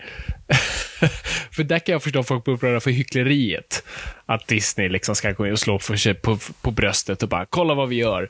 Men sen så ser man till att det är en sån liten bit som man kan klippa bort i de länderna där det inte är kosher. Jo, Eh, men- och då är det så, det här, är ja, inte så- vem är vi kaxiga för nu? Vem, vem, vem är det som behöver det här meddelandet? Liksom? Vi alla är, vi alla är okej med det här, fine. Men liksom, där, där det- den här representationen faktiskt kanske skulle behöva synas, där, där gör vi inte. Ja, men vad fan, okej då. Ja, ja, ja, fair game. Jag tänker också bara på, fast där är vi ju lika dåliga allihop, tänkte jag säga. Var inte Ikea som klippte bort alla kvinnor från Ikea-katalogen i Saudiarabien också? Jo, jo, det var något sånt där. Jo, men exakt. Alltså det är... Vi, vi, det Vi är lika eh, stora är hycklare allihop, liksom. Ja, ja, nej, men det är det där. Och jag tror det, jag tror det är mycket det folk faktiskt ehm, går emot med liksom ett hyckleri och ett, och ett form av liksom, ett signalvärde. Där man bara, eh, som det jag sa, där det är bara det och det är nu köpt från andra. För jag, jag kollar nu den nya Predator. Mm. Eh, eller Prey som den heter. Uh, diggade som fan. Uh, skitbra. Jag var så glad att se en enkel streamlinad liksom actionrulle. Ehm, och, och jag hatar att man måste prata om de här grejerna, för det vill jag inte, men det kommer till en positiv aspekt i det. Att vi har pratat om tidigare i den här podden, tillbaks till Ray i, i Star Wars och, och den här termen som heter gillande, Mary Sue och allt sånt där. Uh, och det var någon film vi pratade alldeles nyss om, vilket var det, där vi hade också en kvinnlig karaktär som var helt ofelbar. Uh, när kom en sån grej eh, senast? Nu minns jag inte bara för det. Vi har ju inte pratat om Okej, så jättemånga filmer, men det är Matrix kanske, eller? Nej, jag kommer inte Mm. ihåg. Skitsamma. Men, men, men det, här var, det här var en karaktär som var anti-Ray, liksom. Det här var en karaktär som felade, fuckar upp, gör fel, uh, för kaxig och liksom... Och, du bygger en genuin karaktär. Och då har man sett såna här, hej, det finns några sådana där kvar, men de här hatfansen, har, de har bara så här, de, den har de accepterat på något sätt. För att säga, okej, men det här känns legit. Ni bygger en genuin karaktär här. Precis som det vore en Schwarzenegger i första Predator, som också är kaxig och eh, slår sig för bröstet första akten och sen bara får allt det där bara nedraserat. Um, och där såg man en liknande grej i den här filmen. Och, och, och Ja, jag, vet, jag vet inte vad, vad poängen var någonstans. Jag tror folk är mer... Folk uttrycker sig jävligt dumt och jag tycker det är dumt att fokusera på den här grejen. Man ska bara man ska låta konsten tala för sig själv. Men jag tror, om jag ska throw them a freaking bone here, jag tror folk är mer upprörda över, över hyckleriet. Men samtidigt, chill the fuck out, kolla på skiten först och se sen. Ja, för det är väl egentligen hela huvudpoängen. Folk är skit, eller folk, jag vet inte ens hur många de är. Alltså det skulle kunna vara liksom 50 skäggiga snubbar i en källare och med en mikrofon. Till skillnad från Ja. oss två skäggiga snubbar med, med en mikrofon i en källare. Men, men det kanske bara är 50-100 stycken. Ingen aning hur många det är som driver på det. Men, men de har inte sett en minut av skiten än. De har ingen aning Nej. om det här. De sitter ju bara och liksom bedömer utifrån trailers och liksom intervjuer. Mm. Se, se Ja, innan nej, du säger jag- något. Liksom. Framförallt. Eller, och sen, och men- sen så liksom, så de har ju, ja, de har ju fel i sak. Men ändå, det är ändå liksom, de kan inte, de kan inte säga att de har rätt in. Ja, ja det är jättekonstigt. Ja. Nej, men eh, vi, vi kan lämna det där med att vi kommer båda titta på det. Och det kan vi flagga för redan nu. Vi kommer, de kommer släppa de två första episoderna. På fredag. Ehm, ja. Eh, precis. Så att, ehm, och vi kommer kolla på och vi tänker att vi gör en liten recensionsgrej Mm. eh, för det. Så att, ehm, så det, eh, håll utkik efter det. Men, men också, vi kan gå tillbaka lite till, till rättigheterna nu, bara för att här, sluta den här någonting. Vi slår knut på det.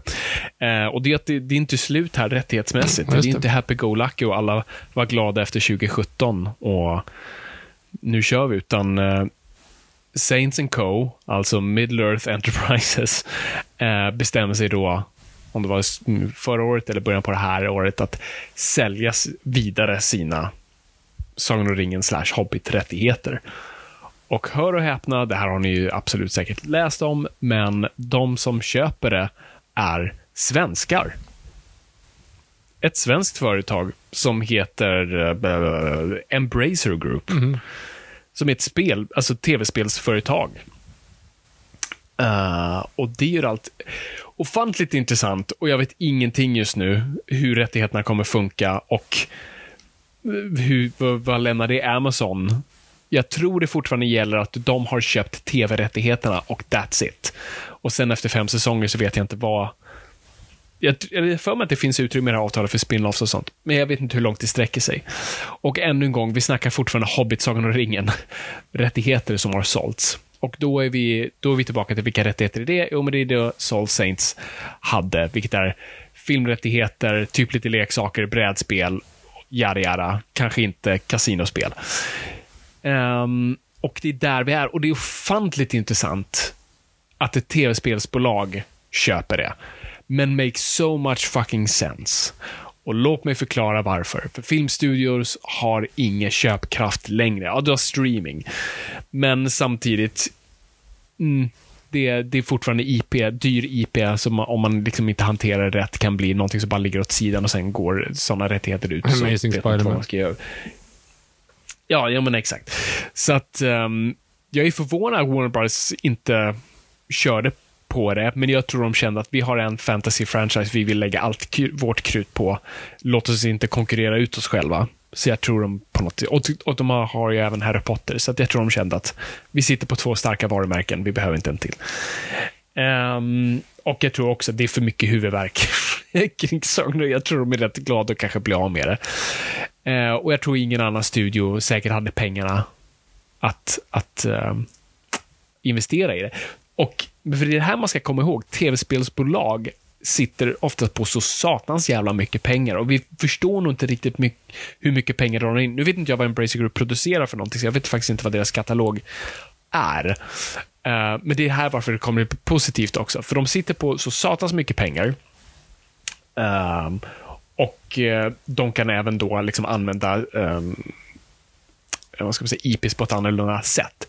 På grund av att de tjänar så mycket pengar. Just för att vara, vara tv-spelsbolag, alltså kolla på ett eh, bolag, jag är ingen expert på det här, så det här är rena spekulationer från mitt håll. Men kolla på, på ett bolag som Rockstar. Eh, som, det är de som gör Grand Theft Auto och Red Dead Redemption och typ det. Nu, ja, de gjorde LA Noir och de har gjort Max Payne och lite annat sådär. Så de gör inte särskilt mycket. Manhunt? Mm, gjorde de ett spel som var sån här jättemoral, moralkaka 2004 kanske. Fortsätt. Jaha, okej. Ja. Ehm, ja, men de- kan ju släppa någonting typ nästan var femte, tionde år och bara chilla däremellan. Ha väldigt långa, de producerar inte någonting varje år. Och det är någonstans där du vill vara. För hamnar du hos en studio som verkligen måste pumpa ut franchise efter franchise hela tiden, kolla Disney, ehm, så vattnar du ut ett varumärke jävligt, jävligt snabbt. Star Wars. Um, och kan ett sån här IP sitta hos ett tv-spelsbolag som kanske bara är intresserade av att göra tv-spel och sen, lik All Saints, använder licensen för att låna ut och bara väljer att göra det till saker de tror på, så kan det faktiskt vara en väldigt bra plats att ligga på. Så jag tror faktiskt det här var ett väldigt bra nu vi får se vad som händer. Men, eh, så jag kanske får äta upp de här orden. Men eh, jag tror på papper att det här faktiskt var typ det bästa som kunde hända. Hade det hamnat hos Warner Brothers, då är, snackar vi HBO och då snackar vi alla möjliga spin-offs och tre, tre filmer om året och allt sånt där. Och vi brukar ju prata i den här podden vad som är en franchise och vad som inte är en franchise. Jag tror att Tolkien-världen är en franchise, men inte en franchise som vi ser en vanlig franchise. Jag tror man måste vara väldigt selektiv med vad man gör och, och pumpa ut det långt emellan. Och The Book of Tom. Bombadil. Mm, ja. yeah. Men, men så det är där det är. Så, var ligger rättigheter någonstans? Så vad vi vet idag, Tolkien Estate äger fortfarande Silmarillion och allting som har publicerats efter Sagan om ringen. Och allt som har alla de här kompendierna som barnen har släppt och allt sånt där. Så allting som inte är Hobbit och Sagan om ringen sitter estatet på. Och sen har du nu Embracer Group. De sitter på filmrättigheter och lite andra rättigheter runt omkring. Hobbit, Sagan om ringen. Och sen då tv-rättigheterna är licensierade ut till Amazon. Men då är också, Och- ja, men då är också frågan, för The War of Rohirrim, filmen, animerade filmen som New Line Cinema producerar. Just det, bra att du tog upp det, vilket komplicerar skiten ännu mer. Ehm, ja, och den ska ju komma på Netflix. Ja, men det Ehm, kändes ju så här spontant, när man bara kollade på den så kändes det som att okej, det här känns ju bara, det här känns som en Amazing Spider-Man. Alltså att de gör den bara för att ha kvar Mm. IPn. Men om de då inte har kvar Precis. IPn så, eh. Eh, Nej, precis. Det är ju det som också har påståtts i, i hela det här dramat, att varför man kunde göra den här försäljningen var för att Warner Bros inte hade producerat någonting på ett bra Mm. tag. Fast det har de ju. och det är också tydligen därför de skyndade på Hobbit för att behålla rättigheterna. ja. Ehm, så det, men som du säger, men ändå har de gjort den här animerade filmen och vad betyder det? Ehm, vet ej. Så det är enormt rörigt. Så antingen tittar vi på en situation och- om ett år eller nu när den här serien precis släpps eller när Rohirrim släpps, att det kommer bli jävla massa stämningsansökningar igen. Kan, Och folk kommer stämma varandra till höger och vänster. Men, men om de köper, om Embracer Group köper själva rättigheterna, precis som eh, Tolkien Enterprise hade tidigare, det innebär ju att de licensierar ut rättigheterna ändå, så jag menar, de kanske bara tar över licensen från Tolkien Enterprise. Alltså, de- den där filmen som ligger på New Line Cinema, de har kvar de filmrättigheterna fortfarande, så att säga, för de licensierar av dem eh, från dem. Det är mycket möjligt. Och jag tror absolut att de får avsluta liksom, saker som redan är i rullning. Det är ju bara frågan sen om Embracer Group väljer att fortsätta eh, ge ut den licensen till dem. Mm. De kan ju bara känna bara, nope, nu drar vi tillbaka det här och så vill vi sitta på det. Ehm, så vi får se vad de gör med det. Jag, tror, jag hoppas att de gör jävligt coola tv-spel. Det har ju varit ett bra tv-spel. Jag har inte spelat dem. Vad fan heter de där som har släppts? Victor, Alltså, titta på Ja, det. nja, Shadows of Mordor. Shadows of Mordor har jag inte lirat. Eh, däremot Battle for Middle Earth tyckte jag var jävligt bra. Där, typ 2004. Men det, när kom det? 2004? Ja, 2004. men det, så det var ett tag sedan, men det tyckte jag var bra. Och sen så när första, när andra filmen kom, när Two Towers kom, så kom ju, alltså dels kom ett hack and slash licensierat bara rakt av från filmen, som var ganska liksom, det var Alltså, EA jätteslarvigt. gjorde det. Ja, EA, som gjorde liksom en, så- en officiella två tonen-spelet. Ganska, jag spelade det som fan, men det var ganska värdelöst med fast på hand. Däremot så gjordes ju också Ja. en Lord, alltså en Fellowship of the Ring-grej också baserad på boken. samma Den år. var grym vad jag minns. Det- Den spelade du och jag ja, på exakt. Xbox. Då, då var man ju Frodo och vi gå omkring och liksom, det var mer som, som i, i, in absence of a better word, GTA i, i Lord of the Rings-universumet. För att du liksom, ja, men du följde boken. Du knallade omkring där i Hobbiten och liksom lämna nyckeln till eh, bag-end till dina släktingar och lite sådana saker. Eh, så den gick Träffa Bombo, Tom Bombadil. Ja, Tom Bombadil var skitstörig. Eh, ja, nej men det var, det var ganska spelvärt här för mig. Med reservation för att det är 20 år gammalt. Men oavsett det så, så nej, jag har inte varit, jag har inte varit i med i svängen så mycket. Nej, jag, jag hoppas bara på, jag spelar ju väldigt lite tv-spel och särskilt nu för tiden, jag, jag måste köpa en ny konsol. Men jag hoppas ju på någonting som jag inte har spelat, men typ Elden Ring som har varit en väldigt stor grej just nu. Uh, alltså ett Sagan om ringen-spel, open world, där du kan bara rida från Mordor till Fylke. Uh, hade varit helt fantastiskt. Det hade jag velat se. Um, sen i vilken kontext och vilken story vet fan. Men det, det hade varit nice. Men, så vi får se helt enkelt. Det är en rörig affär och jag har svårt att se. Vi kommer aldrig, eller jag säger aldrig, aldrig. Vi får ju se vad som händer med Tolkien Estate. Jag vet inte när alla är döda där. Um, vad som händer med Silmarillion och sånt där, men de kommer nog inte släppa på de rättigheterna anytime soon. Om de inte har en jävligt bra anledning att göra så. För att de har varit väldigt, de tycker att varumärket är för urvattnat och sagt så mycket. Um, så att jag tror de känner att vi behöver inte ge någon, någon mer. Vi är inte skyldiga någon något. Och det här är det lilla vi, vi har kvar. Uh, och vi känner något enormt ansvar för det. Så varför, varför sälja det? Det är vad jag tror. Uh, så jag tror Hobbit Sagan om ringen kommer liksom få flyta runt där och producera så mycket som de kan inom den ramen. Och så får vi ja, få se vad det leder. Mm. Det är vad jag tror. Okej, okay, så Not to end on a uh, somber, som, somber, so, sober. Skitsamma, vi ska prata om något annat. Viktor, har du sett House of Dragon? Yes box, de två första avsnitten som har släppts till Yes. dags dato. Um, det här kommer ju bli liksom Pepsi vs Cola under hösten. Det är ju liksom Rings of Power vs House of Dragon. Det kommer ju vara liksom snackisen. Exakt. Det är bara frågan vilka som är Crystal Pepsi eller New Coke. Vanilla Coke. Ja, New Ja. Coke snarare. Folk gillar Vanilla Coke. Jag är ledsen. Ehm, ja, har du sett dem? Ja, jag kollade Mm. dem eh, i ett svep. Yes. Eh, och min spontana reaktion var... Alltså, det, det fick mig att tänka på, eller så här, okej, så vi vill först säga, det är inte katastrof, det är inte sista säsongen av, av Game of Thrones. Ehm, det, det är extremt stadigt och stilla och det är väl det som är lite problemet.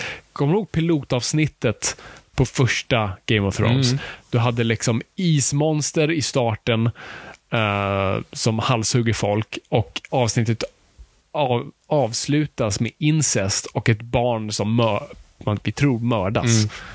Det var liksom bara holy shit. Och här var det två avsnitt där jag höll verkligen på att somna. Mm. Du var i fel, Det du var var i fel, du var i fel mode, hör jag direkt. Jag var i helt fel Ja. mode. Men då var jag ändå öppen för det. För jag, jag, liksom, jag har inte varit lika arg som många andra över sista säsongen. Absolut, jag tyckte inte de gjorde rätt. Men jag har inte varit lika, jag tog det inte lika personligt. Så att, men jag har samtidigt har hypen dött, så jag har inte känt den här hypen för Game of Thrones. Det, det dödade dem absolut. Ehm, men jag var ändå villig att säga, men jag vill tillbaka till den här världen. Jag vill känna de här känslorna. Jag vill liksom tillbaka eh, och, och bli chockad. Men, men jag, det var liksom, vi, kom, vi bara landade i ett väldigt tråkigt familjedrama. Det kändes som i liksom en sidostory en säsong som är den här, du vet när du klipper till den storyn, så bara, ah, just det, det här är tråkigt, det ah, ja, men vi kommer snart tillbaka till Daenerys. Vi ska bara ta oss igenom den här biten. Eh, det var lite så det kändes. Eh, spontant. Inte, inte dåligt, men fan inte särskilt intressant. Jaha. Det var min spontana Ja, intressant. känsla. Jag tyckte att det var, alltså framförallt så, jag var ju, jag, jag tog det ju lite personligt sista säsongen av Game of Thrones. Jag, jag tyckte att det var riktigt slarvigt. Alltså, den, det är jordens mest träffsäkra meme är ju den här hästen. Jättevackert tecknade hästen. Eh, och så Game of Thrones season 1 to 7 och sen så 8 så är det liksom bara en streck, streckgubbe, liksom en smiley bara. Eh, för det var verkligen så. Den är så fantastiskt uppbyggd. Alla karaktärer var 100% och sen så bara fuckade de upp allting i säsongen. Alltså på, på en nivå som att man var så här, jag var ju provocerad i ett halvår efteråt. Um, och nu så kommer man tillbaka och så är det så här, ja men det här är back to form. För när de var som absolut bäst så var det bara liksom, det var dialogen och känslan. Alltså, Mm. Det var inte Red Wedding, men hela liksom förlossningsscenen där är ju liksom bara så här, Och det var en fantastisk scen. Och, det, och så här, manusfattaren i mig bara, du skulle ha startat med det där. Det där skulle varit din öppningsscen. För det var en sån där grej som jag aldrig riktigt tänkt på när, som uppenbart hände under under den tiden, men under, under tiden, tiden som representeras i, i, i fantasivärlden Mm. som är Game of Thrones. Ehm, där du måste göra ett jättejobbigt Mm. val. Uh, hade du startat med det där, det hade varit så dramatiskt och så bara, "Åh!" alltså du hade fått, ja, det, jag önskade nästan att de hade bara Nej, inlett nej, men med alltså, den. det, det vet jag inte heller om jag tyckte, för jag tyckte det var ganska bra att man han bygga upp liksom du hann bygga upp känslan. För du gav, alltså, Mm. nej, jag, jag, tyckte, att- jag tyckte att det var jättebra. Inte så här, inte stå upp och applådera, men framförallt tyckte jag det var välskrivet. Alltså dialogmässigt och allting, det kändes på riktigt. Men återigen, alltså då blir man, man blir så glad. Hela Game of Thrones är på samma sätt, vi har pratat om det hundra gånger i den här podden. Det känns som att världen, vi lever i världen. Eller den känns levd i. Alltså det är liksom vissa så här, typ traditioner och vissa, typ, de, de drar referenser som de inte förklarar och vet man så här, det är massa saker som gör att det känns som att det här är på riktigt. Det är inte liksom, like we fell into that nest of Gongars. Eller liksom, hey Han Solo, you're a ravaging pilot who only wants to get out of this planet. Remember that time when we... Bara, nej, nej, nej, nej. Utan allting känns, förutom den möjligtvis att de då, de, ja, de inleder med att namedroppa båda drakarna. Så att de har båda två klara. Oh, she's flying like almost as big as... Man bara, okej, vänta, nu, nu gör ni bort det. Men det bara gick över direkt. För att jag tyckte att det var så jävla välskrivet. Ehm, och, och framförallt man måste sitta och hålla med. För det, det är ju så här, det, det är ju en, vag, en, en svag linje mellan när man är intelligent och när man luras att man tror att man är intelligent. Och Jag tycker Game of Thrones hela tiden har hållit det på den nivån att du, du förväntar dig en del av din publik. Alltså du måste försöka hänga med. Du måste, vem var det? Vänta, stopp. Vem var det nu igen? Vem, vem är det de pratar om? Eh, Vart är den? Vem, varför är den där? Och du vet, de kör ett tidshopp att han hade tagit Dragonstone där, det här hängde jag typ inte riktigt med på. Sen var han där, att, vet, så här, det är inte, allting är inte överförklarat, utan det känns som att det är riktiga personer som för riktiga diskussioner. Eh, och det tyckte jag var jävligt bra. Så det kändes lite grann som att, inga jämförelser, jo, faktiskt, jämförelser i övrigt, men House of Cards, när, det var, när de pikade, att det kändes som Oj, att det var shit. liksom, vi, vi är typ där. Åtminstone stämnings och dialogmässigt. Så nu såg jag den helt själv och var inte speciellt, alltså jag var inte, jag var så här, jag hoppas inte att det här är, jag hoppas inte att det här är sista säsongen i Game of Thrones. Och det var verkligen inte det, utan det var liksom mopey personer i mörka rum som sitter och diskuterar i politik i en fiktiv värld. Jag tyckte att det funkade 100% för vad det är. Och sen så kommer det säkert bli Tits and Dragons igen, liksom. Eh, men, ja. För det som känns mest malplacerat kanske. är ju Tits and Dragons i serien. Och det känns ju på något sätt bra. Ja, ja, det är, att, ja, jo, jo, För kanske. de var ju ändå tvungna att få in lite lite- nakenscener och det var så här, "Ugh, lägg av, jag vill tillbaka ja, till det de här... kändes lite, ja, Jag faktiskt. vill tillbaka till de, Jag här, de, här, de här skäggiga karlarna i det här mörka rummet som sitter och pratar. Alltså, vet, så här, beska, ja, beskattning i liksom en fiktiv värld. Jag tycker att det är mer intressant. Eh, och det, det är ju på något sätt ett, ett gott tecken. För att Game of Thrones, let's be honest, det var ingen som typ, eller jo, det var säkert jättemånga som trodde på den. Men poängen var ju att de försökte locka dit folk med Tits and Dragons och Sean Bean. Alltså det var så här, det var, kolla den här nya serien som är, det är jättemycket, det är mycket, jättemycket tits, snart blir Dragons och här är Boromir liksom. Kolla vad, vad coola vi är. Och så alla hoppades på att det skulle vara Sagan om ringen. Eh, och, och sen så, så fastnade folk för att det var bra, men det var ju så de drog in folk. Och jag tycker inte att de behöver spela på det längre liksom. Nej, nej, jag håller delvis med dig där. Samtidigt tycker jag det är lite tråkigt. Jag saknar gamla HBO. Det är liksom, grejen var att du lockade just med att det var naket och det var våldsamt. Det var, liksom, det, var det HBO hade och sen var det bara jättebra stories bakom det. Um, och jag håller, och det är där jag också jag håller med, att så, ja, nu är det lite binder done that. Liksom, vad mer kan du göra nu uh, när vi har sett allt och när det är naket i den här så blir det så, ah, ja, och vi, har, vi har sett det och det känns inte riktigt som de själva tror på det heller. Um, men ja, jag vet inte, jag fastnade inte lika mycket för dialogen som du gjorde. Jag saknade lite den här Wise and Benioff vassa dialogen från första säsongen. Liksom, lion doesn't concern himself with the opinions of sheep. Alltså liksom alla de där grejerna som är så quotebara och jag, jag, bara, det var inget här som riktigt greppade mig. Men sagt, det är inte de två första avsnitten. Det, den här kan behöva koka lite. Och det är det jag hoppas att det drar igång lite. Jag vet inte vad jag förväntar mig eller vad jag vill ha. Jag vill bara ha någonting, tror Men jag. sista scenen i Ehm. andra avsnittet drar ju igång någonting.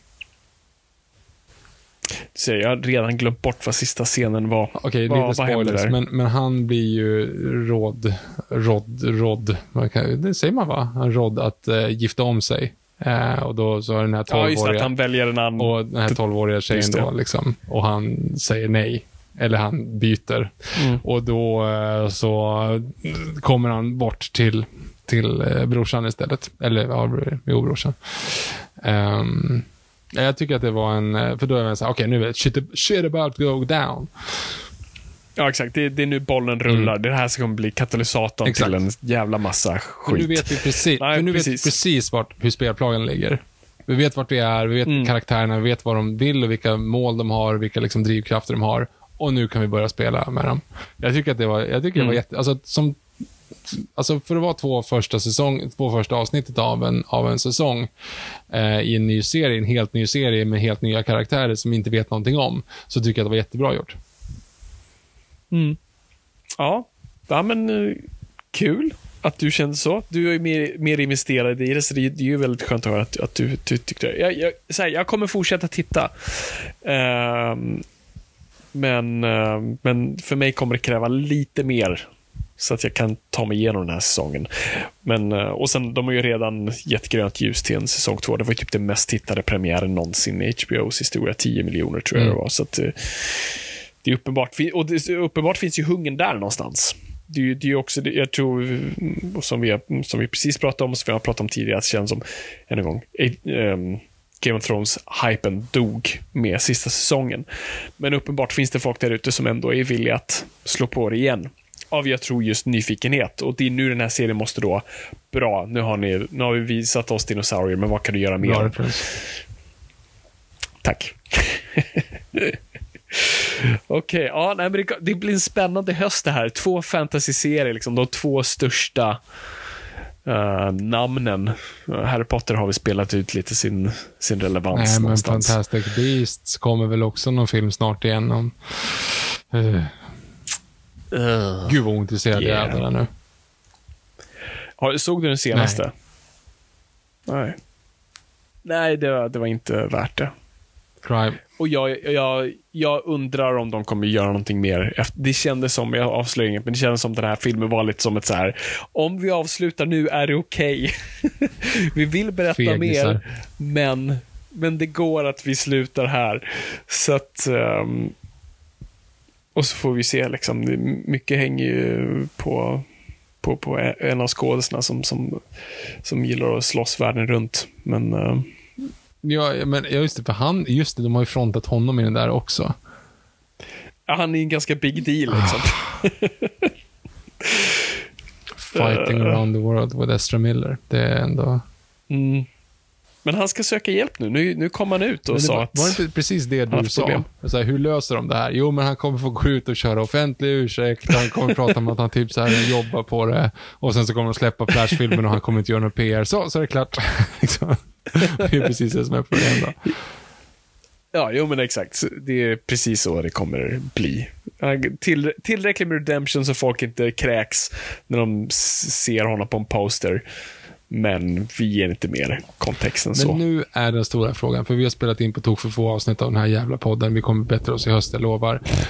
Men vi har inte hunnit prata om den absolut konstigaste filmnyheten det här sida om eldkvarn brann.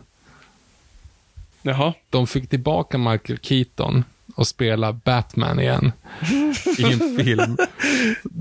Och sen så skrotar de hela filmen, trots att den är helt klar och färdigklippt. Och liksom effekter och alltihop. Mm. Det är väldigt fascinerande. Och jag, jag, har inte riktigt bestämt mig vad jag är. Det, det, finns ju två narrativ här. Och det är det här polariserade narrativet. Det ena är att den var woke och skit och de kastade den. Det andra narrativet är att kris på Warner Brothers, de behövde en tax write-off och offra den här filmen. Jag tror svaret ligger någonstans mitt emellan. Jag tror Discovery klev in, vilket de gjorde, och kolla, okej okay, vad har vi för någonting? Ja, men vi har Aquaman här på G, de verkar veta vad de gör. Vi har Flash, den bygger upp någonting nytt. Ja, men nice, coolt. Och sen har vi den här Batgirl som vi typ gav en ganska liten budget och har inte haft så mycket översyn över. Det är lite weird. Inte 90 exakt miljoner, vad de är förankrade i. Ja, mellan 60 och 90, vi Det är vet ju inte exakt. svinmycket pengar. Eh, inte i dagens blockbuster superhjälte. Du gör inget under 100 miljoner. Så det är typ Shazam som var där. Men, ehm, nej, men och det är lite osäkert. Vi har Keaton med, men samtidigt är det, Gordon från uh, Snyderverse och ja, och dräkten ser ut att vara från CW. Jag tror genuint att de gick in, såg filmen och bara, okej, vi tror genuint typ att det här kommer skada DC ännu mer. Och det här är nog inte vägen vi ska vandra uh, rent kanonmässigt.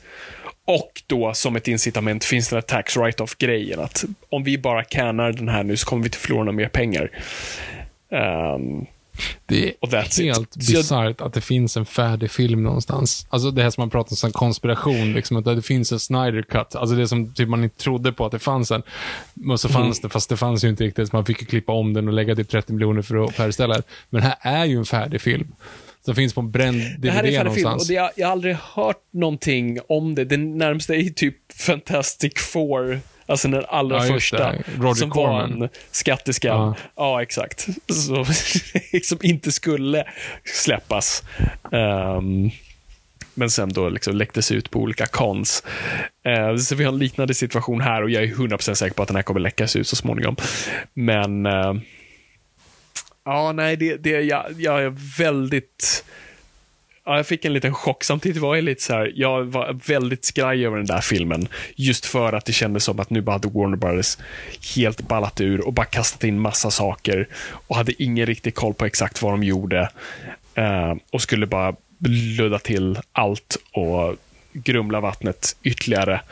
Eh, när vi verkligen bara behöver någonting streamlinat och klart som folk fattar. Eh, och det här var inte den filmen. Ja. Ehm, Du, du, du är ju din klassiska DC-munk här nu. mm, ja, exakt. Det är, det är en konstant själv... Vad kallar man det? Själv... ehm, Flatulating vad är munk. det han gör? Det var- ja, ja. exakt. Precis. Det är också lite Ja, roligt på något sätt. Eller roligt, det är bara ironiskt. Just för du pratar hela tiden om att DC har sån otur och att DC är så här. Så är det liksom de, de två absolut mest uppmärksammade liksom, ja, skådisfallen senaste året. Det är Amber Heard och eh, Ezra Miller. Liksom. Båda två frontar varsin DC-film nu här inom närmsta året. Ja, ja, det, det, det är tragiskt. Och jag förstår, det, det är någon förbannelse över det varumärket och den studion. Och jag, jag vet inte, jag vet inte vad. Men, men, vi kan gå in på djup på det här i ett säkert framtida frågeavsnitt. Vi kommer göra ett. Men eh, vi kommer köra lite mer Tolkien-content, delvis en recension och en liten till grej jag tror ni har efterfrågat.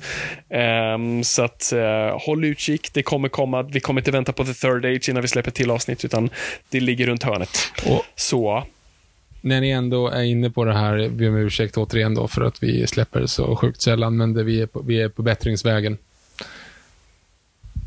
yes. Det, kom, det kommer bli Jag är bra. föräldraledig hela hösten så jag kommer inte ha någonting annat att göra. Japp. Yes.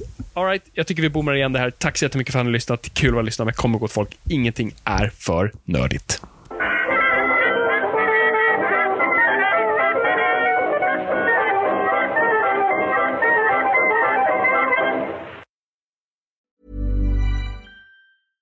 Imagine the softest sheets you've ever felt. Now imagine them getting even softer over time. That's what you'll feel with Bowl and Branch's organic cotton sheets. In a recent customer survey, 96% replied that Bowl and Branch sheets get softer with every wash. Start getting your best night's sleep in these sheets that get softer and softer for years to come. Try their sheets with a 30-night guarantee. Plus, get 15% off your first order at bowlandbranch.com. Code BUTTERY. Exclusions apply. See site for details. Even when we're on a budget, we still deserve nice things. Quince is a place to scoop up stunning high-end goods for 50 to 80% less than similar brands. They have buttery soft cashmere sweaters starting at $50, luxurious Italian leather bags, and so much more. Plus, Quince only works with factories that use safe, ethical, and responsible manufacturing. Get the high-end goods you'll love without the high price tag with Quince. Go to quince.com/style for free shipping and 365 day returns.